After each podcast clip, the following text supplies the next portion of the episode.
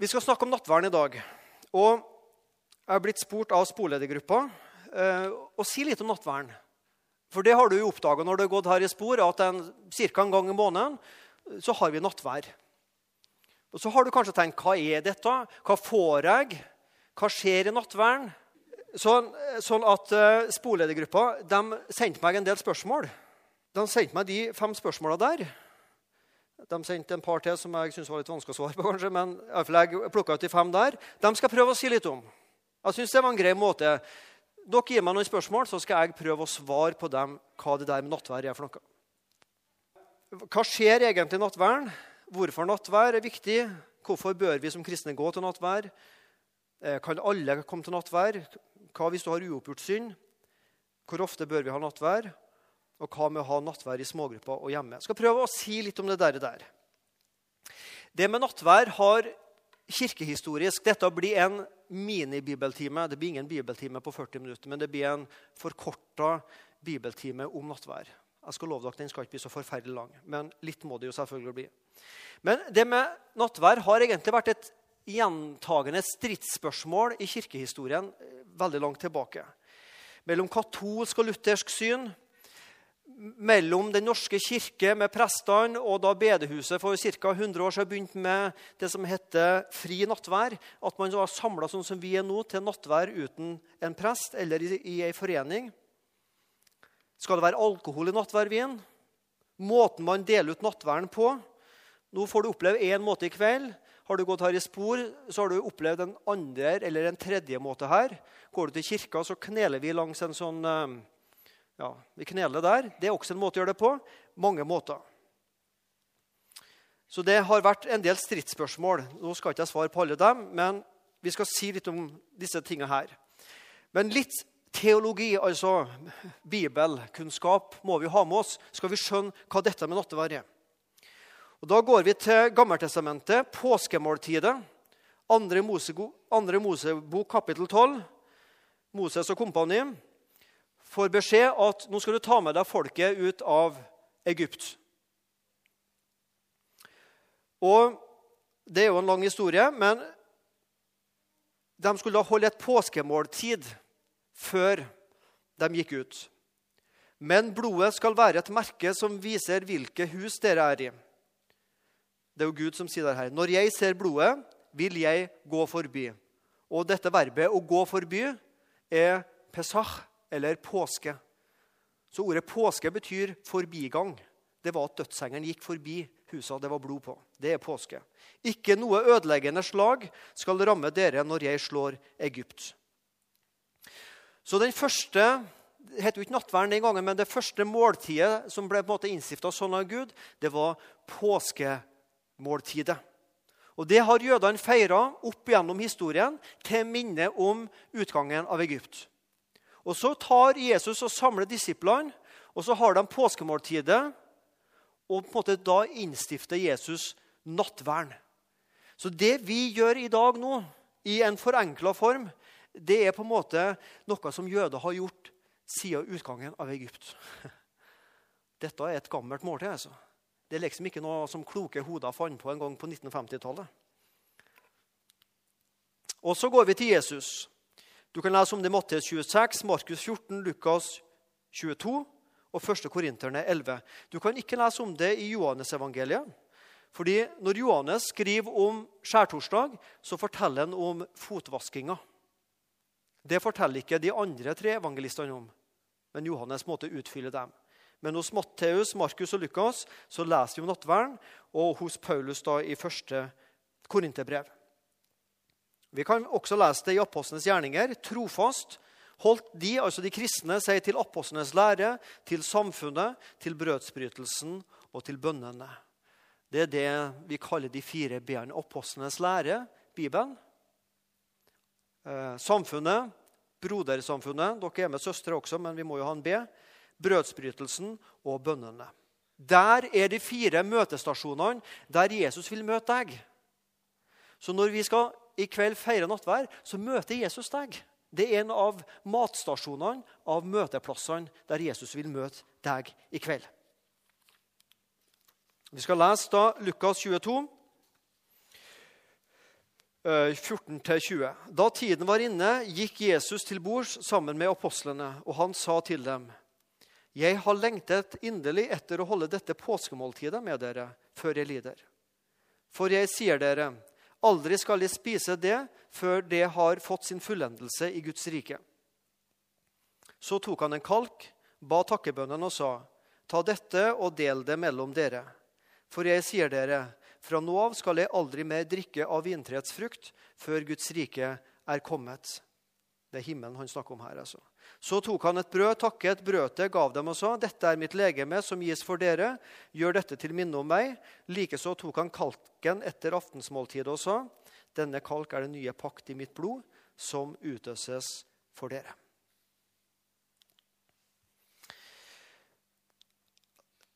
Her har det vært veldig fristende å kunne brukt en del tid. Det skal ikke jeg gjøre. Men jeg syns likevel at vi skal unne oss to minutter til å si litt om ulike syn på nattverden. Teologiske syn. Og det er tre hovedsyn. teologiske hovedsyn. Det er noe vi kaller en katolsk nattverdssyn, et reformert nattverdssyn og et luthersk nattverdssyn. Vi skal bare si litt om det. Katolsk er lik forvandling. En katolikk tenker sånn at vinen og brødet der, når presten ber ei spesiell bønn over dette, så forvandles det bokstavelig talt til Jesu legeme og blod. Altså, det er Jesu legeme og blod. Og Derfor må, må dette spises opp og drikkes opp under nattverdfeiringa. Sånn at hvis det er litt vin igjen, så må på en måte eh, pressen drikke opp det. Det som blir igjen av eh, oblatene, eller det de da eh, serverer, det settes da inn i et skap og låses av, og det settes en rød lykt på. Sånn at eh, folk skal være klar at her inne på en måte er rett og slett Jesu legeme og blod. Det er. Det har blitt forvandla til det. Og så er det eh, mange andre ting som kan sies om tanker de har. Det skal ikke vi bruke tid på nå.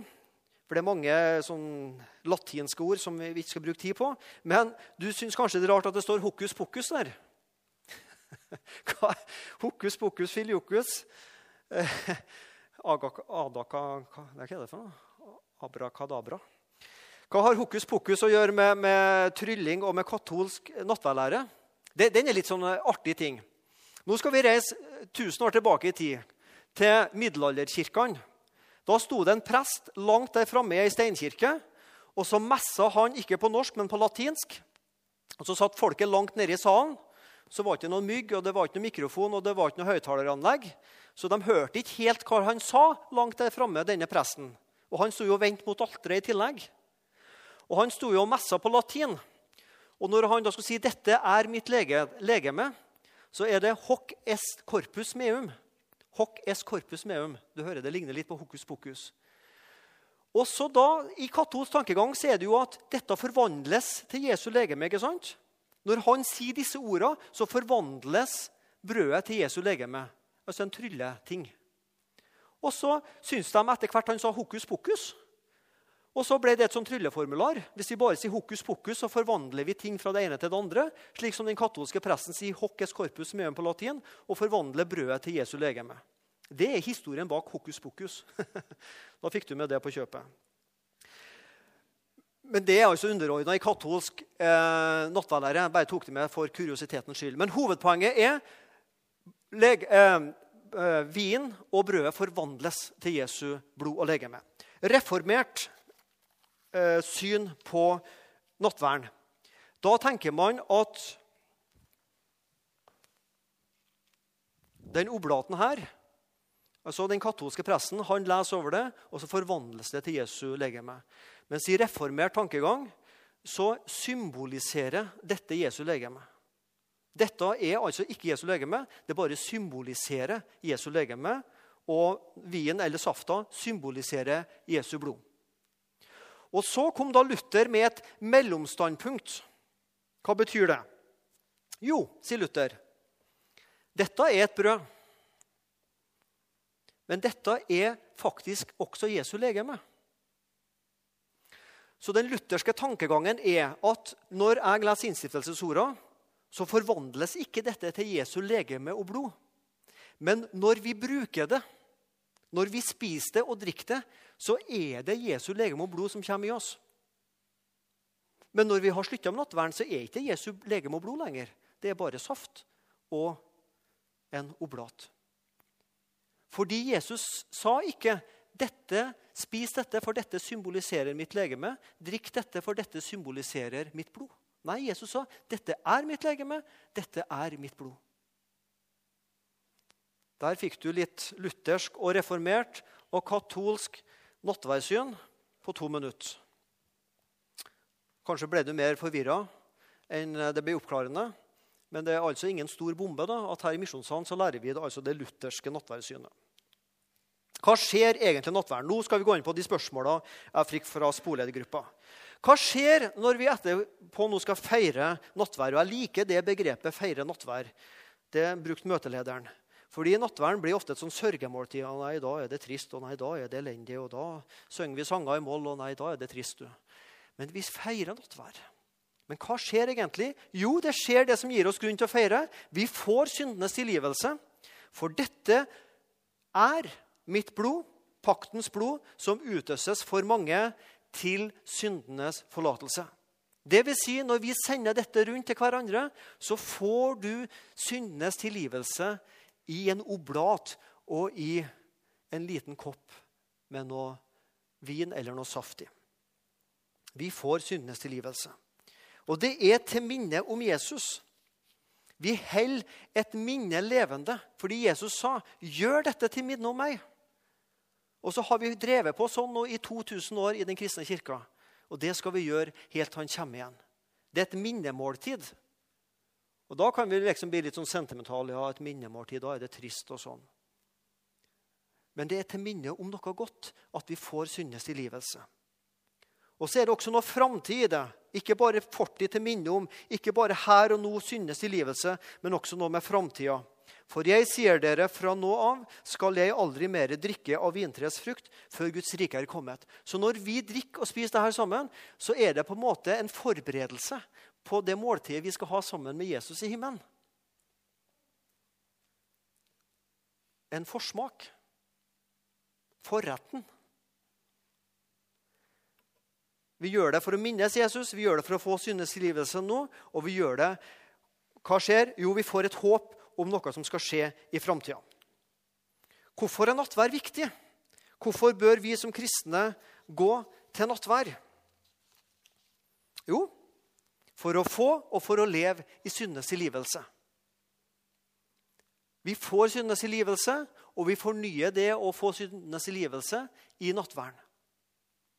Det betyr ikke at om du går et helt år uten nattvær, så sliter du kraftig. Eller nå får jeg liksom tilgivelse for syndene som jeg har gjort. Og så samler jeg opp til jeg kommer tilbake om en måned, og så får jeg gjort opp da. Tenk hvis Jesus kommer. Han vil jo alltid komme tilbake mellom to nattværganger. Sant? Han vil jo det. Hva med de nattværene som jeg har gjort når Jesus kommer igjen fra siste nattverden. Nei, vi lever i tilgivelser, men likevel så får vi tilgivelse i nattverden. Begge delene er sant til minne om, for å huske og for å adlyde Jesus. Derfor bør vi ha nattverd. Fordi Jesus har sagt det. Gjør det til minne om meg. Og for å minne hverandre om fellesskapet nå og i framtida. Nattverd er et fellesskapsmåltid. Det er ikke sånn at jeg har holdt nattvær i dag. Ja, satt og kikka på TV. Nei, dårlig program på TV-en i kveld. Nå tar jeg meg nattvær, liksom. Ja, det var kjedelig i kveld. Jeg tar meg nattvær. Nei, vi har nattvær. Det er liksom ikke noe jeg finner på for meg sjøl eller du finner på for deg sjøl en kveld. Det er noe vi gjør sammen. Vi spiser av det samme brødet, vi drikker av den samme vinen. Det å spise sammen er veldig flott. Det har med sosialt ikke sant? Vi har et sosialt fellesskap. Det var enda viktigere på Jesu tid. Dem du spiste sammen med, det var dem du aksepterte. Derfor var det så vanskelig for um, fariseerne å skjønne at Jesus spiste sammen med syndere og tollere. For da på en måte ga Jesus et signal jeg aksepterer syndere og tollere. Ja. Så det å spise sammen det vil si å ha fellesskap. Og når vi spiser av det samme brød, drikker av den samme vin, så får vi del i den samme tingen. Da har vi fellesskap, vi som er her. Det er et fellesskapsmåltid. Derfor er det viktig at du tar del i fellesskapet. Og så forbereder vi oss på framtida. Kan alle komme til nattvær? Hva med uoppgjorte synder? Det var det tredje spørsmålet som jeg fikk fra spoledergruppa. En av bibeltekstene er 1. Korinterbrev, kapittel 11. Og Der står det sånn i vers 23.: For så ofte som dere spiser dette brød og drikker av kalken, så forkynner dere Herrens død inntil Han kommer. Så ofte dere som kristne spiser brødet og drikker kalken, så forkynner dere Herrens død inntil Han kommer. Så det å ta del i nattverdmåltid, det er forkynnelse. Ja, jeg er ingen forkynner, sier de fleste. Nei, det er ikke sikkert du er forkynner sånn som det å stå på en talerstol som jeg gjør nå. Men i og med nattverden så forkynner vi for hverandre. Og med den måten vi skal gjøre nattverden på i kveld, så skal dere konkret få forkynt til hverandre dette er Jesu legeme, dette er Jesu blod. Så nattverden, den er for Guds folk, det kristne fellesskapet, Jesusfolket. Derfor sier vi veldig ofte når vi har nattvær nattværen er for deg som har bruk for Jesus. Det er for deg som lever med Jesus. Det er nattværen for. Så står det videre i 1. Korinteren 11.: Den som spiser brødet eller drikker av Herrens kalk på urett vis eller uverdig, forgår seg derfor mot Herrens eget legeme og blod.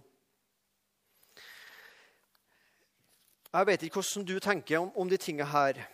Men det har nok voldt en del kristne litt sånn Anfektelse det er et sånn kristelig ord, men litt vanskelig på innsida av hjertet, for å si det på den måten.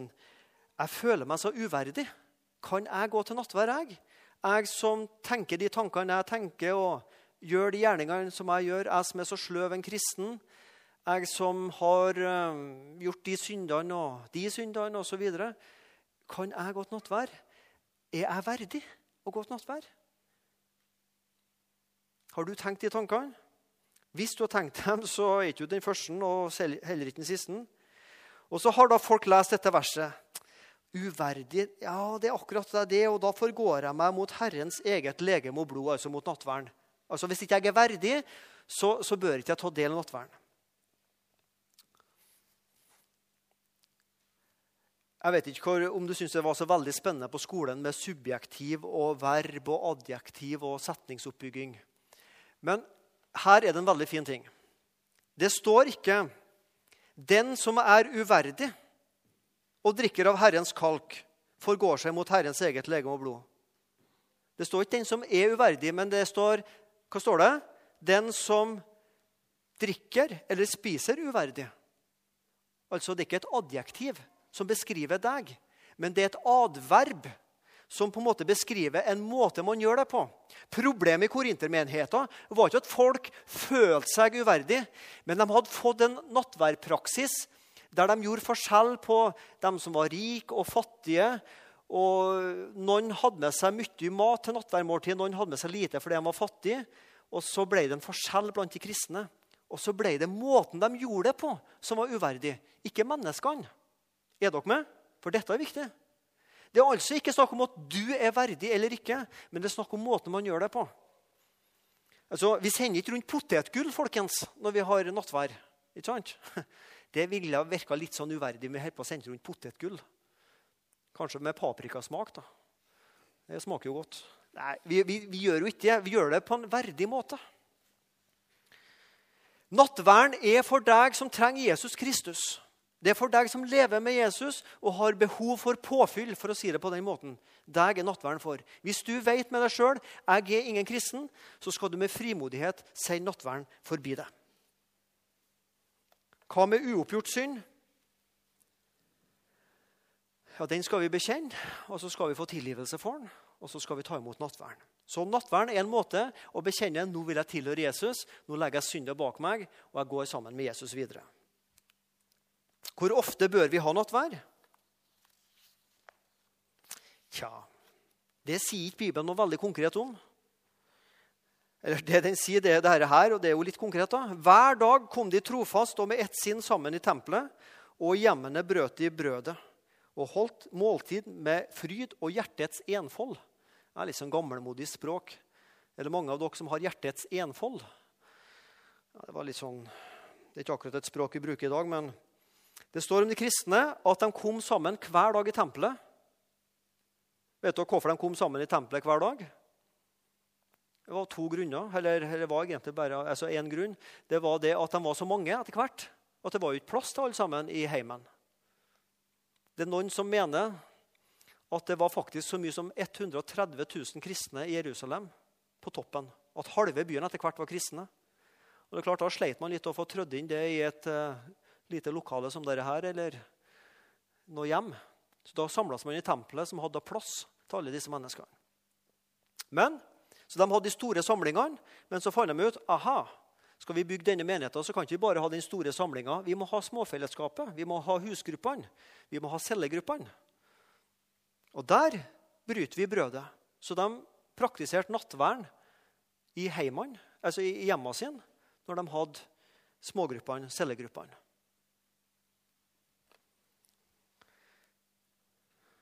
Så de hadde nattverd ganske ofte. Vi har det ca. én gang i måneden på sporemøtene og ca. en gang i måneden på formaksmøtene. Kanskje er det for sjelden. Kanskje blir det for mye hvis vi har det hver, hvert møte. Men eh, på den ene på den andre side. Bob Bob. Men eh, de hadde forholdsvis ofte de første kristne. Siste spørsmålet, og nå er vi på oppløpssida. Hva med nattvær i smågrupper og hjemmene? Hvor og hvordan gjør vi dette med nattværen praktisk? Og Det har jeg sagt til slutt, for det er egentlig det minst eh, interessante spørsmålet. Det mest interessante spørsmålet er hva er nattvær? Hva får du i nattvær, og hvem er nattværen for? Hvordan vi gjør det, og hvor vi gjør det, det er litt mer underordna. Men vi gjør det i forsamlinga nettopp fordi vi vil ha fellesskapsfølelsen. At alle skal spise av det samme, drikke av det samme og kjenne jeg er en del av en større fellesskap. Derfor har vi nattvær på møtene. Og vi kan godt ha det i hjemmene. Det praktiseres forholdsvis sjelden, tror jeg. Det, jeg trenger ikke mange fingre hvis jeg skal telle de gangene jeg har vært med gjennom mitt liv som kristen og hatt nattvær i hjemmet. Men det er en fin ting. Og det er ingenting som tilsier at vi ikke skal gjøre det. Så hvis cellegruppa de finner ut ah, vi tar nattvær, så er det ikke sånn at dere trenger å ringe du Sven Anton, som er forsamlingsleder i Misjonssalen, eller Helge Endresen, du som ungdomsleder her. Får vi lov til å holde nattvær? Det er ikke sånn vi ønsker det. Vi er fri til å holde nattvær i hjemmet. Men hvis det betyr at ja, vi holder nattverd hjemme, og så, da, da, kan vi liksom la være å gå på nattverdmøtene i misjonssalen, da blir det også feil. Men vi kan ha det både i forsamlinga og hjemme. Skal vi ha nattverdmøte utenfor Rema eller utenfor IKA Ica bort på Langgata her? Skal vi rigge oss opp en dag? Og så ordner vi til et svært nattverdbord utenfor Rema. Og så Nå skal vi ha nattvær. Kom, alle sammen. Her er det nattvær å få. Det er jo et interessant spørsmål. Jeg tror ikke vi skal gjøre det, for jeg tror ikke nattverden er ment for å være et evangeliseringsverktøy. Nattverden er ment for å være for Guds folk, de som bekjenner seg for Jesus. Jeg vet noen praktiserer det. Jeg er litt sånn kritisk. Jeg vil ikke si at det liksom var forferdelig dumt gjort å gjøre det. Men i utgangspunktet så tror jeg nattverden skal være i de troendes forsamling, i et forsamlingsmøte eller i foreninga cellegrupper og ikke først og fremst som et evangeliseringsverktøy utenfor Rema. Familien Hansen på en torsdagskveld det har jeg jo svart litt på. Det var dårlig programutvalg på TV-en. Skal vi heller ta oss en nattvær i kveld? Vi har ikke stilt oss det spørsmålet i vår familie, så det er veldig hypotetisk. Dette her. Ehm, men i utgangspunktet så er nattværmåltidet for den kristne. Og vi kan altså som en familie ha kristent fellesskap. Vi leser sammen i Bibelen, vi ber sammen, og vi holder nattverd sammen. Så Sånn sett er det ingenting i veien for det. Hvordan skal vi gjøre det? Nå er det ulike måter. Den vanligste måten vi bruker på spormøtene, det er at det står to stykker her. Og så kommer vi fram og får eh, vin og brød, og så går vi og setter oss. Eller vi har et kors her, det går an å knele, og så har vi ei forbønnsstund der du først kan gå til forbønn, eller du kan komme til nattverd, vi kan synge. Og så går ikke vi på, i rekke og kø, men du kommer når det passer deg. Det er også en måte vi har gjort det på.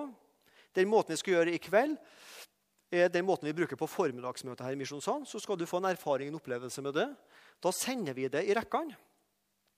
Så Helge og meg vi kommer rundt til førstemann som sitter her, og så sender vi, og så sier vi dette er Jesu legeme. Så sender du ut nestemann. Dette er Jesu legeme. Dette er Jesu legeme. Dette er Jesu blod. Dette er Jesu blod. Og så Sånn sett forkynner vi for hverandre at dette er Jesu legeme, og dette er Jesu blod. Det er også en måte å gjøre det på. Og Hvis du vet med deg sjøl at jeg er ingen bekjennende kristen, og nattverden er ikke noe for meg, så skal du med frimodighet sende nattverd forbi deg. Det skal du få lov til. Skal vi sitte? Skal vi stå? Skal vi hoppe? Skal vi ligge? Jesus og disiplene de, de lå rundt bordet den første nattverd skjærtorsdag. Da lå de rundt et bord. De satt ikke på noen fine stoler. vet du. De lå rundt bordet. Det var det datidens skikk. Det betyr ingenting, men vi skal gjøre det med verdighet. En annen ting som jeg har skrevet her med spørsmålstegn. Noen har den praksisen at du kommer fram, du får et brød, og så dypper du oppi vin, og så putter i munnen. Personlig er jeg veldig skeptisk til det. og rett og slett fordi at Jesus sier dette er mitt legeme, spis det. Dette er mitt blod, som vi alle skal drikke av. Og Hvis jeg liksom dypper og får med en dråpe, så var det ikke så mye å drikke. akkurat. Jeg benekter ikke at når man har den praksisen at man får tilgivelse og Jesu legeme og blod. jeg benekter ikke det, Men jeg er litt, likevel litt skeptisk til den praksisen å gjøre det på. Men jeg skjønner godt man gjør det. Hvis det er på hundrevis man skal ha nattverd for, da er det en veldig praktisk måte å gjøre det på. Så Det er litt sånn praktiske spørsmål, men jeg har satt det til slutt, fordi det er faktisk det minst viktige. Men eh, det viktigste av alt det er at du som er en kristen, regelmessig går til nattvær. For min frykt er at mange kristne, om det er ungdom eller voksne, det kan så være, blir sakramentløse. Sakrament er et sånn uttrykk for dåpen og nattværen. Dåpen er jo noe vi gjør én gang, men nattværen er noe vi skal gjøre stadig for å få tilgivelse, for å minnes Jesus, og for å kjenne fellesskapet oss imellom, og for å kjenne på framtidshåpet der framme. Så du som trenger Jesus, du som bekjenner deg til Han, du skal med frimodighet gå til nattvær, sjøl om du kjenner på mye synd i livet ditt. Så er det Jesu tilgivelse, og så går du ren og rettferdig ned fra nattværmåltidet. Kjære Jesus, vi har samtalt litt om det her med nattvær og hva det er for noe, Jesus. Um, jeg håper ikke jeg eh, forkludra eller gjorde det veldig vanskelig Jesus. Men eh, jeg ber om at vi alle skal kjenne på en frimodighet som kristne til å ta del i nattverdmåltidet og feire nattverden sammen og kjenne på fellesskapet med hverandre, men først og fremst på fellesskapet med deg. Amen.